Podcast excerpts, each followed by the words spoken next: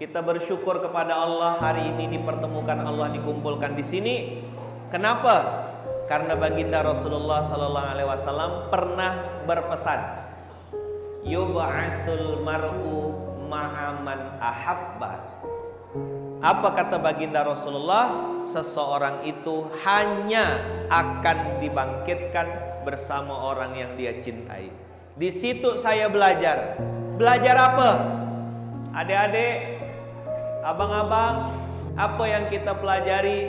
Kita belajar ternyata seseorang diingat oleh orang lain bukan berdasarkan apa yang dia punya, tapi apa yang dia berikan untuk orang lain.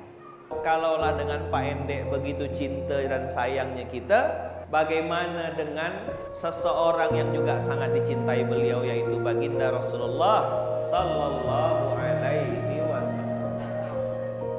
kalau mengenang Abah udah bikin kita neteskan air mata, bagaimana kalau kita mengenang baginda Rasulullah sallallahu alaihi wasallam?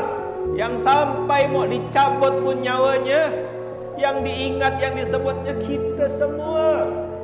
Ummati ummati ummati. Tak sayang ke kita sama Nabi Muhammad? Tak sayang ke?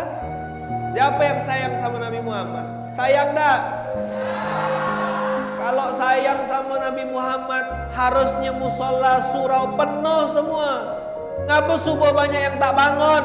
Berarti mual, meramput, bohong. Katanya ente sayang, tapi ngapa tidak datang? Berarti cintanya palsu.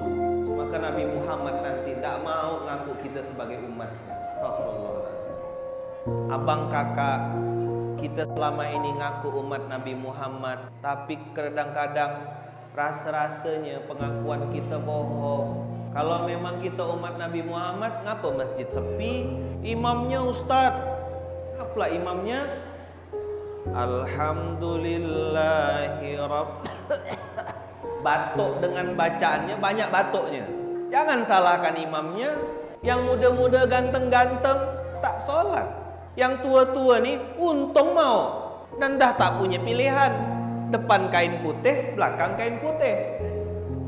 Yang muda-muda maju, yang muda-muda datang. Ayo